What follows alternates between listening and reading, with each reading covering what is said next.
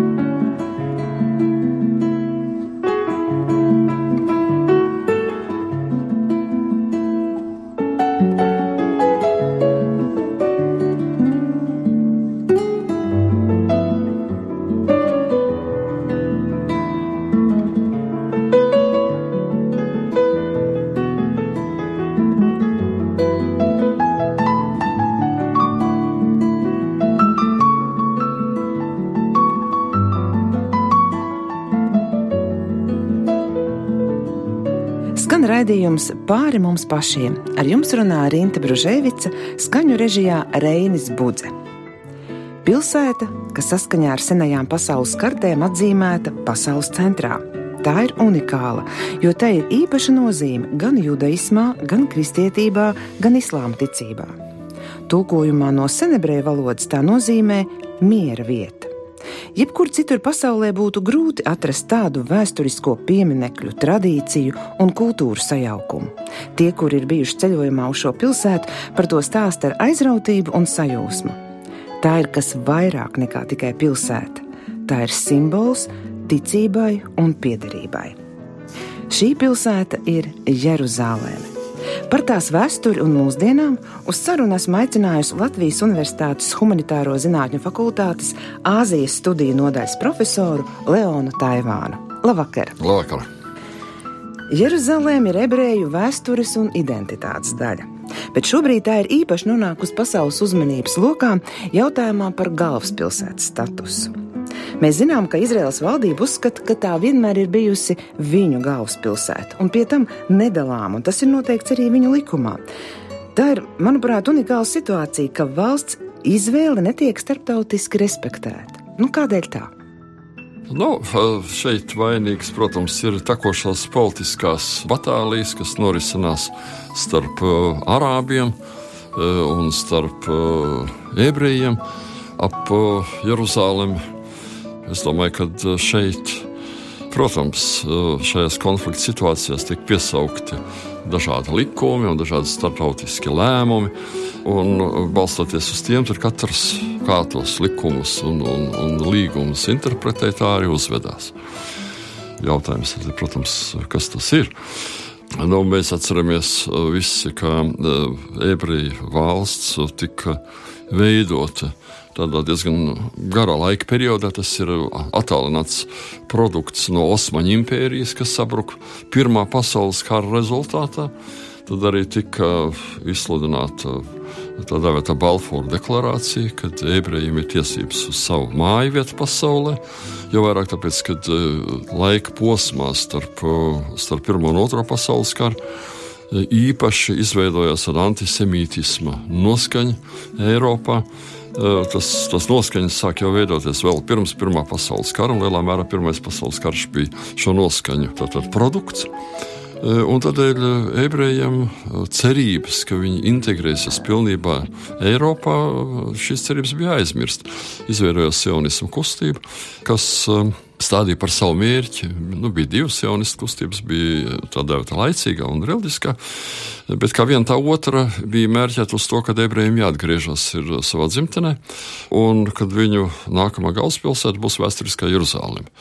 Nu, tad pēc otrā pasaules kara tas arī notika, un 1949. gadā Izraels toreizējais līderis un, un šis valsts tēvs Ben Gurions e, pasludināja, ka Jeruzaleme ir svētā ebreju valsts svētā galvaspilsēta.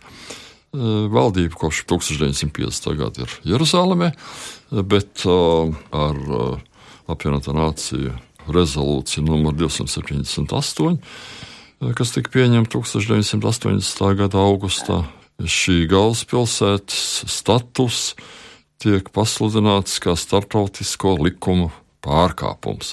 Un tad 22 vēstniecības pārvācas uz Telavīvu. Nu, tā īsi tas, tas, tas diplomātskais stāsts ir. Uz kāda pamata ir balstīts amerikāņu lēmums atjaunot galvaspilsētu Jeruzālē. Tas ir diplomātiskā pārstāvniecība Amerikas vēstniecībā Jeruzālēmē. Uz tā pamata, ka 1947. gadā pirms ebreji izsludināja tātad Bengūrions divus gadus pirms tam. Apvienoto nāciju lēmums bija, ka Jeruzalem ir korpus separātum. Tātad, ka tā ir atsevišķa, nodalīta no visām valstīm, starptautiskā vieta, jeb anklāvs, kurā ikvienai no valstīm ir tiesības iedibināt savas institūcijas tur. Un, ja tā ir starptautiski tātad, tāda neutralizēta vai, vai korpus separātum, tāds, tāds atsevišķs, atsevišķa vienība, nodalīta no valstīm, tad ikvienai valstī, arī Latvijai, ir tiesības tur iedibināt vai nu vēstniecība, vai pārstāvniecība, vai kaut kādu starptautisku biroju. Pilnīgs tiesības saskaņā ar, ar 47. gada likumiem. Bet, nu, viņi konflikti atkal ar apvienotā nācija lēmumiem, un, un tāpēc ik viens politiskais spēks vai jurists, kā tos likumus interpretē, tā arī sanāk. Nu, tur tā problēma. Tas ir uh, tāds uh, juridiski starptautisks kazus, uh, kas, kas nav īsti atrisināms. Jā, bet mēs zinām, ka ebrejiem ir ļoti spēcīga vēsturiskā saikne ar Jeruzālēmi. Savā laikā ķēniņš Dāvids, kas bija 1004. gadā, man šķiet, pirms mūsu ēras jau iekaroja šo, mm, šo pilsētu, un tālāk ir daudz ir dzirdējuši par Salamanu, par gudro Salamanu, kas tur valdīja un cēla templi un tā tālāk tālāk, vai šīs senās saknes netiek respektētas starptautiski, ka tā tiešām ir viņu pilsēta? Tas ir civilizācija jautājums. Mēs eh, bieži vien uh, neiedomājamies to, kad uh, citas civilizācijas pārstāvji domā citādāk. Piemēram, jūs tagad atsaucaties uz Dāvidu, uz viņa dēlu Zalamanu kurš uzcēla templi. Un senajā pasaulē templis bija ne tikai dievu lūgšanas vieta, tas bija arī politiskās konstitūcijas, jeb konstituēšanās vai sevis apliecināšanas eh, zīme. Eh, un, arī grieķu akropola. Arī zem, tas bija ne tikai templis, bet tas arī bija valstiskuma simbols. Un tāpēc nepavēlt iebrucēji, piemēram, asīrieši, kad uh, ienāk 722. gadā Jeruzalemi nopost Jeruzalemes templi. Vēlāk tic Romas imperators arī not, nopost otru Jeruzalemes templi, ko Herods bija cēlis, lai nebūtu šīs valstiskuma uh, simbola, uh, ne tikai reliģiskais. Un kas šeit ir, kad mēs runājam par civilizācijām? Mēs, pēc zinātnes kategorizācijas, piedaram tādai vai judeo-kristiāniskai civilizācijai. Nu, tad mums ir viena kontinuitāte no civilizācijas viedokļa ar uh, jūdu reliģiju, un mēs dzīvojam vēsturiskā laikā. Mēs dzīvojam vēsturiskā laikā. Tātad mums ļoti būtiski ir, kad pirmie vēstures avotos, pirmie saimnieki Jeruzalemē bija ebreji, un tāpēc mēs nešaubām uzskatām, ka jā, ebrejiem ir pilnīgas tiesības atgriezties savā vēsturiskajā dzimtenē, gluži tāpat kā latviešiem ir tiesības dzīvot savā vēsturiskajā Latvijā. Viņiem pretī šodien stāv islāma civilizācija. Ar ko islāma civilizācija atšķirās no, no, no judio-kristiāniskās? Tieši ar šo ar, ar šo vēstures izpratni. Jā, viņi arī, viņam arī vēsturnieki eh, ir, ir pazīstami un, un, un eh, kopš seniem laikiem, kopš viduslaikiem. Ibn Haldūns, piemēram, viens no tādiem spīdošiem vēsturniekiem un teorētiķiem viduslaiku, parasti tiek pieminēts. Bet islāma vēsture sākās ar 622. gadu, ar Hidžras ēru, kad Muhameds pārceļās no, no Mekas uz Medīnu. Pirms tam ir tā dēvēta džahilija, mežonība. mežonība. Uh, un tūdaļ, uh, nu, burtiski dažus gadus pēc uh, Muhameda nāves tika iekarot Jeruzalemi. Tā kļūst par, eh, par eh, arābu pilsētu. Un viņi uzskata, ka tā ir pilnīgi likumīga viņa pilsēta, jo viņi tur dzīvojuši kopš, tā teikt, pasaules sākuma, kas ir 622. gads. Viņi ienāk 638. gadā Jeruzalemē. Tad, nu, burtiski tur nedaudz gadi pēc, pēc uh, islāma ēras sākuma un islāma ēras, uh, nu, tad, tas pirmsākums, kad tā islāma pasaule veidojās, tas ir tas laiks, kad uh, līdz uh, 661. gadam. Tātad pirmo četru tā teikt, kā, nu, kā musulmaņi uzskata, pareizi ticīgo vai dievbijīgo kalīfa laiks. Uh, nu, lūk, tad, tad izveidojas islāma pasaule. Un tad sākās islāma vēsture. Un tas, kas ir bijis valdnieka Dāvida laikā, tūkstošajā gadsimtā, tūkstošajā gadā pirms kristīgās ēras, neskaitās, tā ir mežonība. Viss. Tātad islāma reliģija nav uz mieru vērsta reliģija. Islāma reliģija nekādā ziņā nav vērsta uz mieru. Uh, tas, tas viss ir blēņas. Vismaz, uh, redziet, tur jau tas jautājums ar islāma reliģiju tā, uh, kad ļoti svarīgs jautājums ir par to, kā lasīt Korānu. Kā lasīt Korānu? Mums bieži vien arī jautājums ir kristietībā. Nu, kas ir svarīgāks? Bībele vai Luters, piemēram? Bībele vai Romas pāvests? Nu, ticīgs cilvēks teiks Bībeli. Reliģijas zinātnieks teiks tieši pretēji. Luters. Kāpēc? Tāpēc, kad Lutera reformācija dod Bībelē skaidrojumu, kā viņu lasīt un kā viņu saprast. Attiecīgi, Katoļu baznīca arī dzen, ar Tridentes koncilu, ar, ar Otro Vatikānu koncilu nosaka, kā būs Bībele lasīta. Islāmā ir gluži tas pats. Tātad tur ir svētā tradīcija, tā dēvētā sunna, jeb praviešu tradīcija, kas ir nostāsta par Muhammadu. Par nostāstu par Muhammadu, mutiski nostāstu, kas vēlāk ir tikuši pēc gadiem 200, pēc tam 400 gadiem, pārrakstīti, vēlreiz pārrakstīti. Un tie izveido teikt, noteikumus, kā ir jāsaprot Korānu. Nu, piemērs. Jautājums varētu būt, nu, kā, kur, Kas, kas tad ir tas konkrētais piemērs? Nu, tā, Korānā ir pretrunīgas lietas. Ir vienā vietā teikts tā, otrā vietā teikts tieši pretēji. E, sunna, jeb šī sētā tradīcija, nosaka, ka pareizā izpratne ir pēdējā. To, ko Muhamads ir teicis pēc pašās Nu, teikt, ja viņš ir teicis šodien vienu, bet pēc desmit dienām viņš teica citu, tad skaitās tas, kas ir pēc desmit dienām. Tad ir tas vēlākais vēsturiski vēlākais e, viņas teiciens. Un, kā zināms, Muhamads ir teikt, diktējis, nu, tā, viņš ir diktējis to Korānu gan Mekā, kur viņš sāka savu sludināšanu, un vēlāk pēc 622. gada Medīnā, e, kur viņš arī nomira 632. gadā. Mekā viņš uzstājās kā sludinātājs, kā tāda poētiska personība, un šai Mekas periodā e, pasludinātie ajati, korāna ajati, jeb panti, nu, ir tādi, kuri neizraisa uh, reliģiskam cilvēkam kaut kādu īpašu alerģiju. Viņi ir miermīlīgi, viņi runā par pastro tiesu, par Allaha žēlsirdību, par, uh, par Dievu, tā, tā, tā teikt, taisnīgumu. Nu, tādas lietas, uh, es domāju, mums pilnīgi saprotams, un arī ebrejiem, jūdiem saprotams. Medīnā Mohameds kļūst par valdnieku. Atcerēsimies to, kad Jēzus, kad viņa kārdinātais tuksnesī teica, paklonies man un es tev visu, došu visas pasaules valsts. E, es teicu, nē. E, Muhamads teica, jā. Šajā ziņā. Muhamads pieņēma šo valdīšanu. Šo valdīšanu. Jēzus nepieņem valdīšanu. Un kopš valdīšanas laika parādās citi aiet Korānā, kas ir juridiski, kas risina dažādus kāzus, juridiskus, kā būs mantojuma dalīt, kāda ir sievietes loma, kāda ir vīrieša loma, dažādas sadzīviskas lietas un tā tālāk.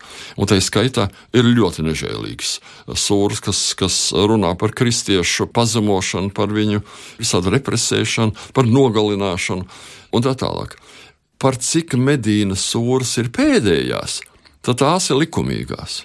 Un tāpēc islāms šajā sunnas redzējumā ir milzīgi nežēlīgs, necilvēcisks, teroristisks. Tas ir instruments šodienas visām varmācībām un terorisma aktiem, kuri notiek pasaulē. Islāms ir ienaidnieks, islāms ir briesmīgs. Jautājums ir tāds, vai viņš tiešām tāds ir un viņam tādam jābūt. Protams, ka jāsaprot ir to, e, ka e, pasaules šodien lielākā reliģija ir islāms.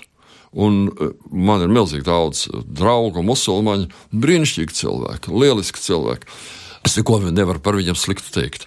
Protams, ka islāma iedzīvotāji, jeb islāmam piedarīgo cilvēku vairums ir normāli cilvēki, kā viss. Nekāda briesmoņa viņi nav. Bet ir šobrīd, tā teikt, ir islāma standarts uz šodienu. Ieviesies dažādu iemeslu dēļ, par tiem var arī pastāstīt atsevišķi. Kas būtu zīmējams ar tādu plakātu? Sludinātais, vienā rokā viņam ir Korāns, otrā rokā ir Kalašņikava automāts. Lūk, tāds islāms. Un šodien tas ir normatīvs. Zem tā islāma parakstās pēc socioloģiskām aptaujām ne mazāk kā 80% musulmaņu. Vai, piemēram, jautājums, sociologa jautājums. Vai islāmā ir teikts tā, Korānā, ka tas, kas atkāpjas no islāma, kas atkāpjas, kas bijis musulmanis, ir pēkšņi saka, nē, no es, es negribu būt musulmanis, gribu būt teiksim, neticīgais, vai es gribu būt kristietis. Tādam pienākās nāves sots. Uzdod jautājumu eh, musulmaņiem. Pēc galap metodas, tātad ļoti, ļoti precīza uh, aptaujas metodika. Kā jūs uzskatāt, tas ir pareizi vai nepareizi? Pāri par 80% pasaules musulmaņi saka, pareizi. pareizi. Tad, tad ir pareizā mācība, kas ir ļoti nežēlīga, Nu, es jau tāds neesmu, tā teikt, sava cilvēciskā vājuma dēļ. Es tur slikti gavēju, es tur islāma pienākumus nepildīju, piecas reizes dienā dievu nelūdzu, un es neesmu, nu, jā, nu, cilvēks ir vājš, es tā nevaru, bet pareizais islāms ir tāds, jā, un viņš ir arī nežēlīgs. Jā, tas ir īstais islāms. Tāds tas pasaules uzskats šodien islāma vidē. Un tātad Palestīnā arī šī reliģija tiek praktizēta, un tādēļ arī pasaules valsts baidās taču no tā, un tāpēc arī neatzīst Jeruzalem kā galvaspilsētu. Pilnīgi pareizi, jā. Vienkārši saprotiet, tas, tas nav, nav vienkārši jautājums. E, redziet, 1979. gadā e, notika milzīga revolūcija pasaulē ko mēs tā tuvajos austrumos, ko mēs, un arī pasaulē, ko mēs, ko mēs tā īpaši varbūt nepamanījām un esam šodien aizmirsuši, runa par Irānas revolūciju. 79. gadā notika Irānā revolūcija, nāca pie varas ajatolas, tad garīdznieki nāca. Un tika gāzta šaha vara. E, tobrīd Irāna, e, un es tā rūpīgi sekoju, tas bija, bija mans viens no darba pienākumiem toreiz, e, kas notiek Irānā. Irāna toreiz gatavojās kļūt par Āzijas Šveici. Tātad tur tika pārvesti un dibinātas bankas un, un, un finanšu institūcijas. Irāna bija ceļā uz tādu ļoti forsētu modernizāciju. Tai vajadzēja kļūt par, par tādu eh, Āzijas attīstības centru.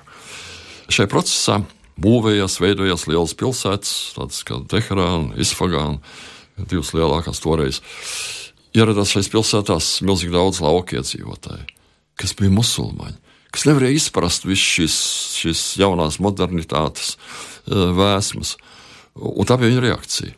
Faktiski viņi, šie laucinieki, ienākuši pilsētās, gāza šāda valdība, gāza visus tos modernizētājus un ievies islāma valsti. Tā pašā gadā Padomu Savienība iebruka Afganistānā. Tā pašā gadā Saudārābijā notiek esošās varas gāšanas mēģinājums, un to mēģina gāzt vietējie islamisti, eh, kas ārkārtīgi nobaidīja. Saudārābija. Viņi nebija spējīgi pat ar saviem spēkiem tikt galā, tika uzaicināt, uzaicināt Pakistānas armiju un franču komandos, lai atbrīvotu mošeju, centrālo mošeju haram, ko bija ieņēmuši uh, nemiernieki.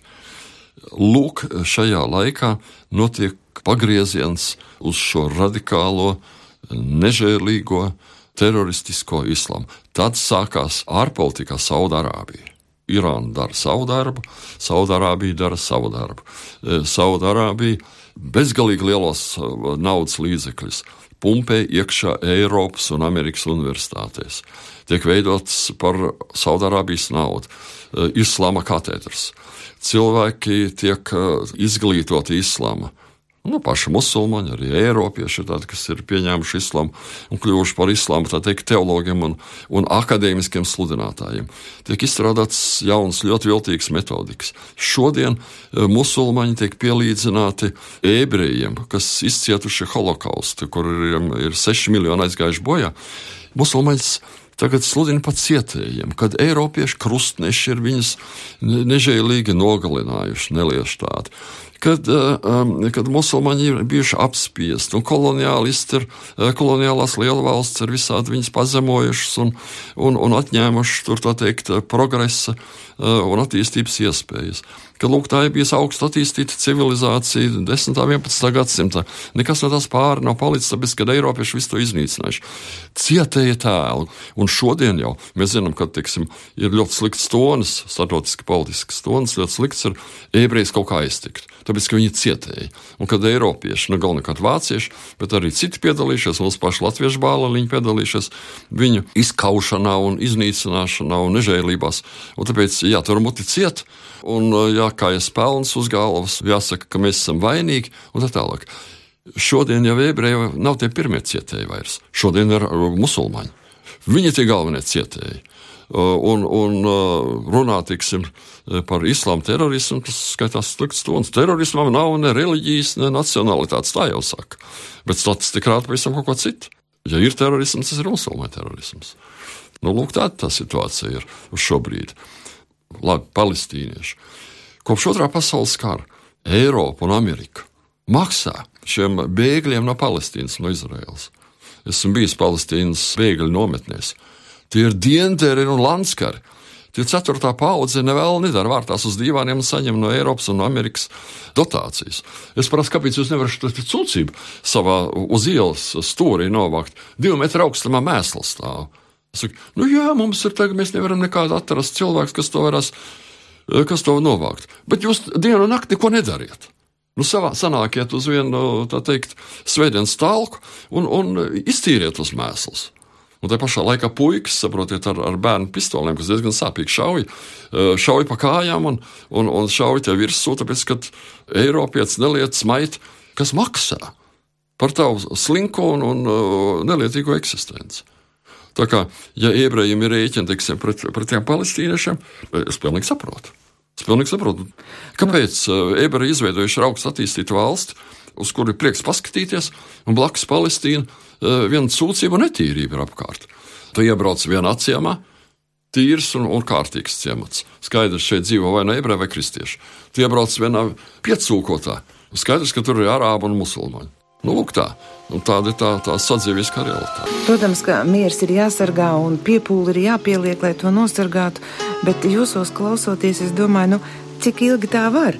Mēs arī zinām stāstu no, no Lūkas evaņģēlī, kad Jēzus tuvojās Jeruzalemē un viņš redz šo skaisto panorāmu, un viņš ir garā aizgrābts. Viņam ir nākotnes vīzija par to, ka tā kādreiz tiks nopostīta, cilvēki nogalināti, nami izpostīti, akmens uz akmeņa nepaliks. Un tad viņš tā, viņš pat raud, un viņš saka, kaut tu zinātu, kas tev pie miera vajadzīgs. Nu, kas pie tā miera ir vajadzīgs, un vai vispār mierīgā ceļā var atrisināt šo vienas galvaspilsētas jautājumu, kur, nu, tā skatoties, ir skaidrs, kam tā pieder. Jā, ir, ir skaists uh, dievnams, Dominus Flēvits, taisnība pret Jeruzālemi, uh, kur par logu. To ah, logu ar saltāru redzēt Jeruzālēmas panorāmu. Uh, kādu viņa acīm redzam redzējis vairāk vai mazāk Jēzus. Tas skaists skats ir uz to. Kas attiecās uz Jeruzālēmas, uz mieru Jeruzālēmē, man to jautājumu bieži uzdod. Nu, bet kad tad, kad tad būs iestāsies tur miers? Un atbildi ir aizvien tāpat. Nekād. Nekād šeit miera nebūs nekāda. Uh, Jeruzalem vēsturē 44 reizes gājis no rokas rokā. Piederējis, kam tik tā nav piederējis? Tā piederējis, protams, pašiem ebrejiem, pirms tam kanāniešiem, pirms viņi atnāca, viņa varbūt neatnāca pirmie.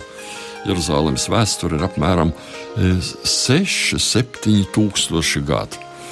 Ebreji parādās eh, no, no Eģiptes. Viņi ienāk ap 1800. gadu, 1600. gadu pirms kristīgās ēras, pirms Kristus. Viņi ienāk. Pirms tam, ja viņi pastāvīs, tas ir 2000 gadu. Eh, tā kā viņa ir ļoti sena, bet Jeruzalem atrodas uz gluži tāpat kā Rīga un Latvija. Atrodas uh, ļoti nelāgā vietā. Viņai iet cauri, tas ir ceļš no Ēģiptes uh, uz Sīriju Uh, un Mesopotāmiju. Un tā ir diezgan šaura josla, tāpēc, ka no rietumiem uh, šai šaurajā Izraels jos, Izrēlē, ne, ja šaurajā zemes joslā ir, ir jūra, tā ir vidusjūra, uz austrumiem Sīrijas tūkstnesis. Un šī šaurā josla tad ir tāds dabisks migrācijas ceļš, no kura iet gan mierīgi iedzīvotāji, gan karotāji, gan iekarotāji.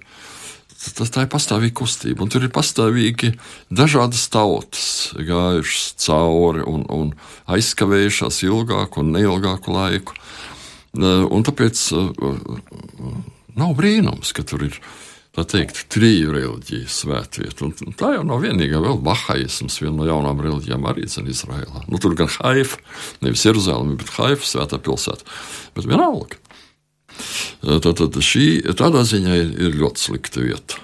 Nu, no otras puses, protams, tas ir civilizācijas tīģelis, tur uh, sastopoties dažādām civilizācijām, un, un reliģijām un tautām. Uh, tā ir vieta, kur, uh, kur uh, kur, kur notiek progress. Es gribētu pieminēt to, ka, piemēram, Nobelprēmijas. Ja? Nu, ir Nobelprēmija, miera Nobelprēmijas, Nobelprēmija, literatūra un tā tālāk. Tās atmetīšu malā, atstāsim Nobelprēmijas zinātnē. Kā jūs domājat, kas ir galvenais Nobelprēmiju saņēmējs? Ir ebreji.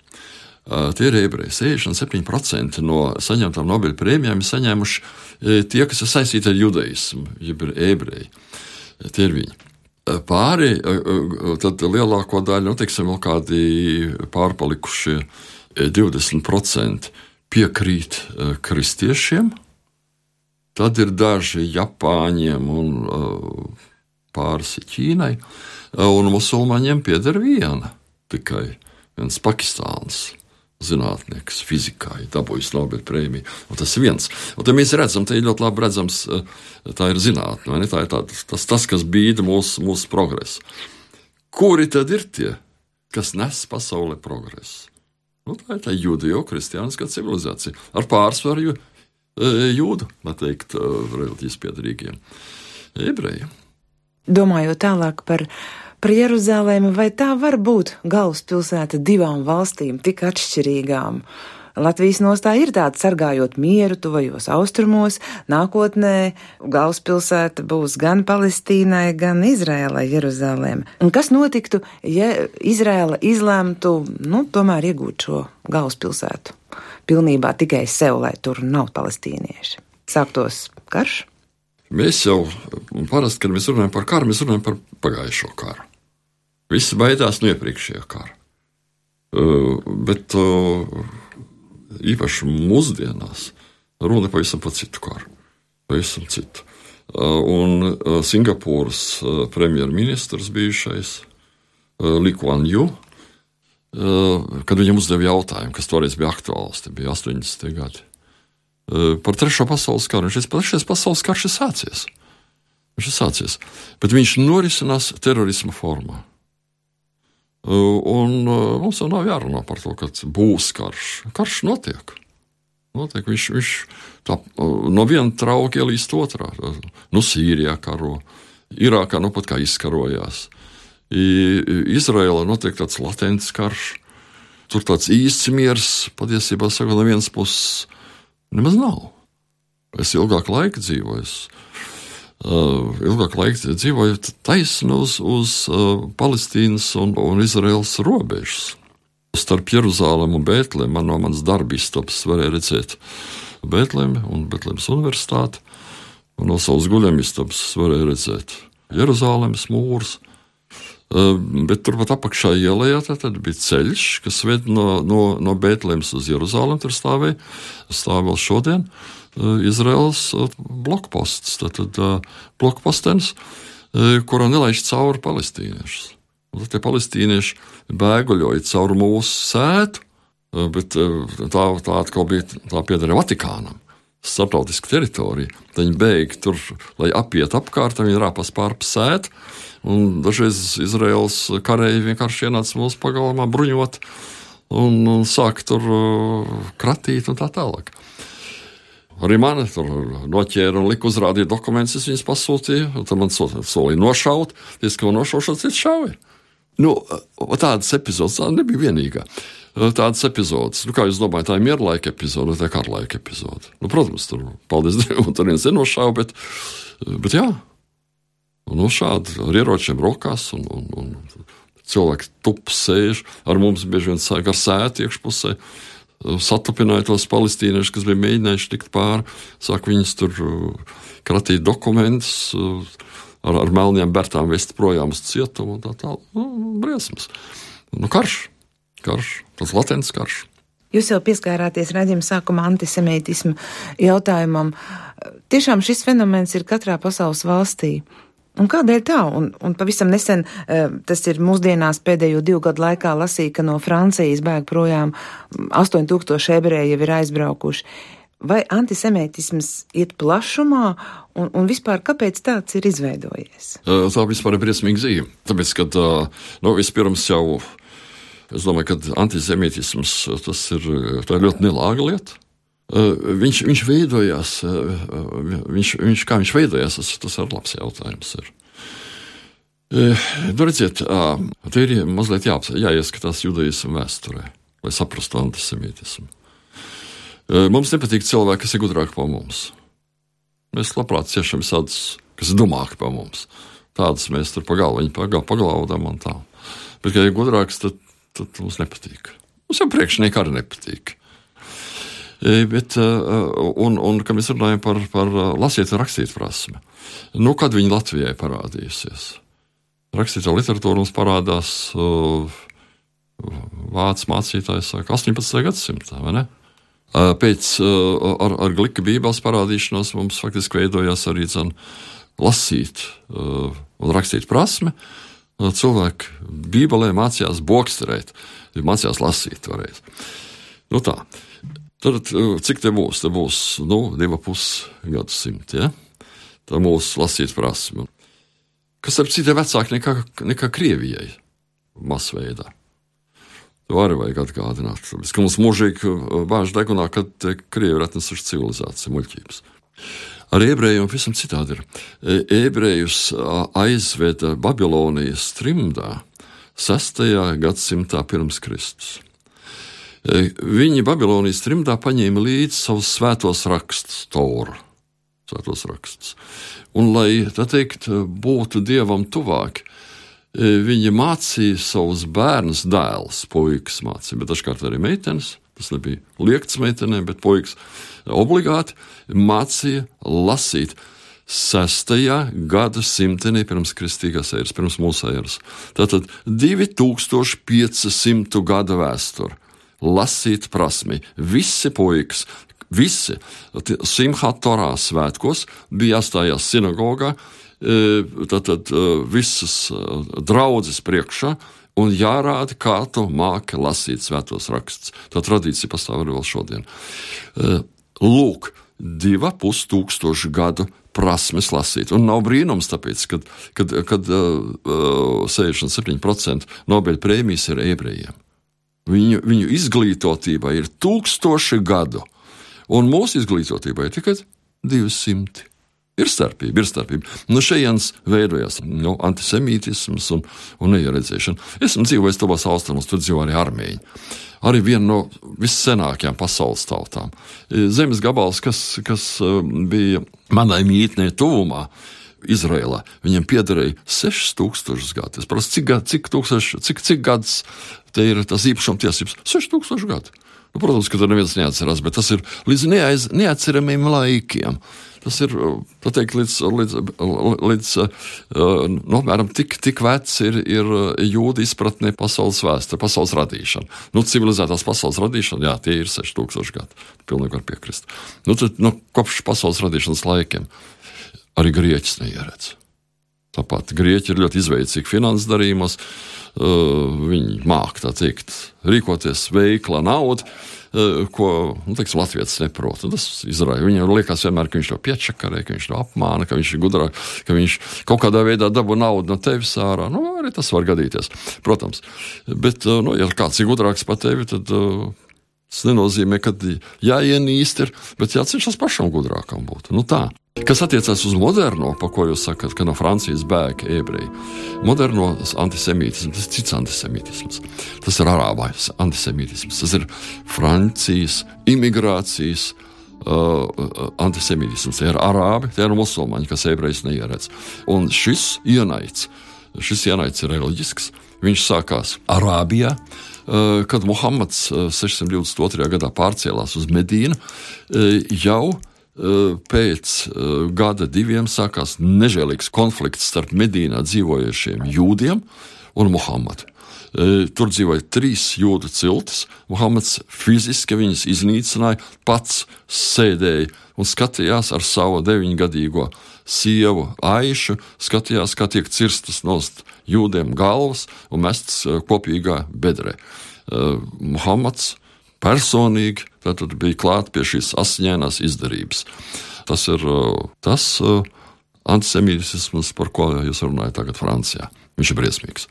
Sarunas noslēgumā, kādai vajadzētu mums būt attieksmē pret šo tautu nu, un arī pret tās galvaspilsētu Jeruzalemi? Nu, es kā vēsturnieks teikšu, redziet, mēs, kad skolā mācāmies, uh, tad mums stāsta teiksim, par mūsu civilizācijas pirmsākumiem. Kad runā par mūsu civilizācijas pirmsākumiem, tad piesauc seno Eģipti pilsētu senu Eģipti. Mūsu civilizācija ir lielā mērā būvēta. No, es teiktu, ja, ja kaut kas no vēstures, no visdziļākās, senākās vēstures, nāk, tas tiešām nāk no senās Eģiptes. Tur ir uh, senās Eģiptes uh, reliģijā bija priekšstats par to, ka cilvēks ir dieva mīļākais radījums. No tā izriet, ka cilvēks ir augstāks, ka Bībelē tiek augstāks par eņģeļiem. Tas nāk no senās Eģiptes, tas jau bija zināms ļoti sen. Kad cilvēks ir dievam līdzīgs, tas ir kristietības tāds, tāds pamatpostulāts. Kristietība arī māca to, ka viena no, nu, tas tā teoloģiska konstrukcija, ka viena no dieva eksistences formām ir, ir kristieši cilvēki paši cilvēki. Tad baznīca, eklēsija, ir viena no, eh, par apelsīnu Pāvils jau daudz raksta, ir viena no dieva eksistences formām. Tā ir dieva līgava, tā ir eh, dievs kopj. Eh, mīl savu līgavu. Tas ļoti tīrs un, un šķīsts, skaists attiecības. Te nav, te nav sieva, ne, ar kuru jau sākās nu, kā mēs zinām, sadzīvē sākās ar kašķis un vēl kaut kas. Tā ir līga, kur ideāli vai ne, tas attiecības ir ļoti, ļoti skaistas un apdziedātas. Tās ir cilvēks un, un dieva attiecības. Viņas nāk no senās Eģiptes. Un tas, tas starposms, kas atnes uz Eiropu šīs, šīs idejas, tie ir ebreji, tie ir jūdi. Jo jūdi dzīvoja un klejoja apkārt Nīlas ielai, kā klejotāja tauta. Bībelē mēs redzam ļoti daudz senās Eģiptes elementus. Jāzeps un viņa brāļi, atcerēsimies, viņa tēvs tiek balzamēts. Viņi izved no Eģiptes. Jāzeps ir, ir Eģiptes augstmans. Tās visas vēsturiskas lietas. Jūdi uzņem ļoti daudz no Eģiptes kultūras, no Eģiptes reliģiskā redzējuma. Tas viss ir vecajā derībā iekšā. Šīs, šīs lietas un, un, zinātnieki labi tās pārzina. Un tāpēc pret ebrejiem es teikšu tā, ka jātiecās ar pienākošu cieņu. Viņi ir kaut kas līdzīgs mūsu, nu, ja mēs runājam civilizācijas iedzīnos, mūsu vecākiem. Tas ir tāpat kā spļaut acīs eh, tēvam un mātei, kuri tevi ir audzinājuši un devuši tev dzīvību. Tāpat uh, apieties ar ebrejiem. Uh, ar viņu tiksim, kultūru, ar viņu civilizāciju un, protams, ar tiem cilvēkiem, kas ir šis kultūras nesēji. Tas nav godīgi. Tas, tas, ir, tas, ir, tas ir tāds zemiskuma pazīme. Tā nevajadzētu. Tas, jau, protams, nenozīmē, ka arī pret ebrejiem tur ir nezinu, tur jākrīt ceļos un jāsita pieri pret zemi. Tā jau tas arī nav. Katram ir sava cieņa, bet uh, nevajag ebrejiem atņemt viņu cieņu šai tautai, eh, kas, kas tiešām ir, ir mūsu šūpuli ielikusi ļoti daudz. Un Jeruzalemē, kā jūs teicāt, miera nebūs nekad, un, un, un ebreji grib vai negrib dalīt šo galvaspilsētu ar palestīniešiem. Es tā nedomāju, ka viņam būtu jādala. Eh, kaut gan, kaut gan visā, visa Eiropa eh, izdzīvo savus pēdējos desmit gadus. Eh, jau pēc gadiem 30, 40, es domāju, ka jaunā paudze to piedzīvos, Eiropa piederēs arābiem un musulmaņiem. Tā tas būs, un tas ir pilnīgi nelokām. Statistika uz to rāda. Tas ir process, kas notiek aizvien ātrāk. Es domāju, ka arī Jeruzalem beig beigās jūdi zaudēs Jeruzalem. Tā būs musulmaņu pilsēta jau šodien. Diemžēl tas ir tāds uh, nožēlojams skats, uh, ka jūdi dievu lūdz pie rietumu sienas. Augšā ir, ir Alaksa uh, ir mošai uz klints, musulmaņu svētvietas, un apakšā tur zemē pie, pie mūriem klanās jūdi. Tas tāds simbols tam, kad e, Jeruzalem beigās piederēs tomēr arābiem un musulmaņiem. Diemžēl. Nu, tāda ir nežēlīgā vēstures gaita. Jā, uz šīs pārdomu nots izskan raidījums pāri mums pašiem. Studijā bija Latvijas Universitātes Humanitāro Zinātņu fakultātes Āzijas studiju nodaļas profesors Leons Taivāns, raidījumu vadīja Rinte Prožēvica. Labvakar!